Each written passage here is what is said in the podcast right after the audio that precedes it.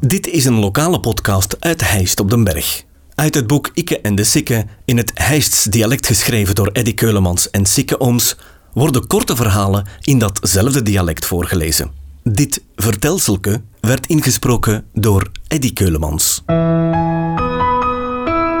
De Stijnen en Ludo Koek. Meer dan 15 jaar geleden, van 75 tot 89, heb ik bijna geen enkel thuismatch van de Anderlecht gemist. En op verplaatsing was ik er ook dikjes bij, Europees en al. In het begin stonden we recht, tussen de spionkop in de lengte van de plan toen nog.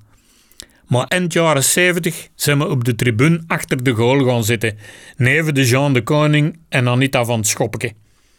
En een paar jaar later zijn we dan met heel de bende op de grote tribune gaan zitten, want daar kwamen chique plutsen vrij vlak bij de middellijn. Mijn vaste maat om mee naar de voetbalterrein, dat was de Stijne. Die wende op de Boudewijnlaan bij zijn ouders, Julke en Jan. Links dan even wende Jos Mulders met zijn hooshaven en rechts de Louis en Annie met hele kinderen Koen en. Els dat was een geef ding met blonde horkjes en als de Stijnen haar zag, dan riep hem hey, filmster, hoe is het? En dan spurte Ilske met een rode kop terug bij Helle binnen. Om de 14 dagen rijden we dus zaterdags naar Brussel om ons ploeg aan te moedigen. Op een keer was het een topper Anderlecht standaard en we waren toch wel laat vertrokken. De kans zat erin dat we de aftrap zouden missen, wat toch wel een klein ramp was. Gelukkig wisten we dicht aan de plan een klein parkingsje dat maar weinig mensen kenden. Omdat we zo laat waren, snijden Stijnen nog een hoek af, want dat kende een binnen die last een heel smal steekje. Daar paste maar juist zijn auto in. En dan moest je nog goed zien dat je er geen spiegel afrijdt. Dus hij mikte zijn BMW in dat stretje, maar dat was toch wel juist lukken zeker. Last de andere kant kwam daar een heel oud madammeke aangepikkeld met een regerkappetje op de kop.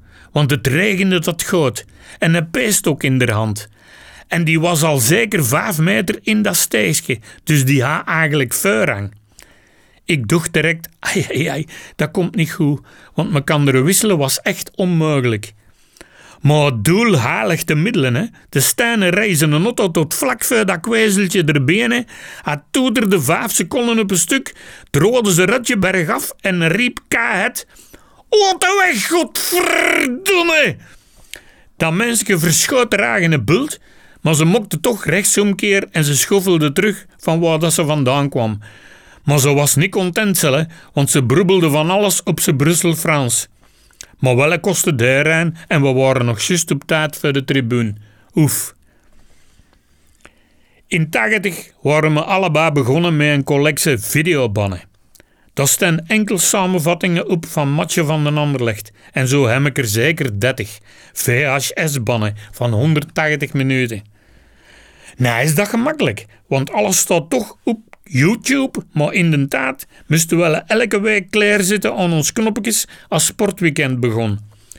En op tijd ook terug dat ding afzetten, want anders weer ons verzameling bezoedeld met beelden van klein ploegjes like de Leersen en de Beerschot en zo. Maar de beelden van 18 oktober 1978, toen dan we met 3-0 gewonnen werden tegen Barcelona, die hebben we ook gehad. En die kostte me niet Frans niet fanen. Tot in oktober 85. Want toen hadden Stijnen in een interview gelezen dat Ludo Koek die beelden wel had.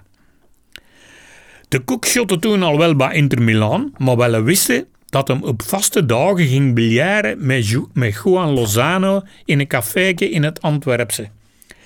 De Stijnen was te weten gekomen wanneer en waar dat, dat was en wel rijden daarop af.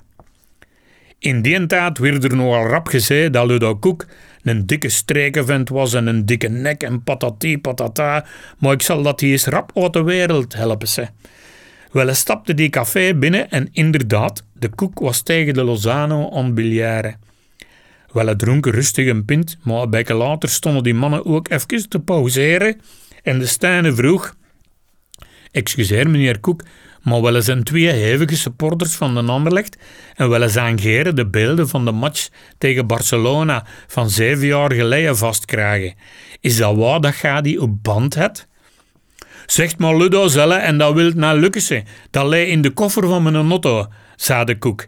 En die stapte naar boten en een minuut later had Stijne die videoband in zijn handen en hij mocht die meenemen om te kopiëren.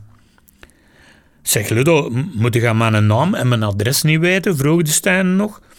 Dat is niet van doen, zeiden andere Gellezet supporters en ik heb er geschot. Moof wit, dat betrouwt me kan er toch of niet? Zie je het, Nijse? Zo'n toffe gast was Ludo Koek. En de beste linkse poot dat ooit in het half gestaan heeft, had een ander legt. Tikt mooi zin op een smartphone. Anderlecht Barcelona 1978 3-0. 47e minuut, een knal van Ludo Koek. 2-0 van op wel 30 meter. Je ziet die bal niet vliegen. Van bovenstaand gesprek was ik getogen begin oktober 1985. Op 9 oktober 1985, een paar dagen later dus, is Ludo Koek overleden na een zwaar verkeersongeval. We waren daar diep van aangedaan, want men geen jongens de kans gehad om die videoband terug te brengen. Ik heb deze speciaal geschreven ter nagedachtenis. Justin Verhagen, geboren 29 oktober 1953 en overleden 23 september 94 en Ludo Koek, geboren 25 september 55 en overleden op 9 oktober 1985. Deze podcast kwam tot stand dankzij Huisdresselaars en Tropical. Volg de podcast op Facebook. Reageren kan je via de website ditishijst.be slash ikke en de sikke of ikke en de sikke.be.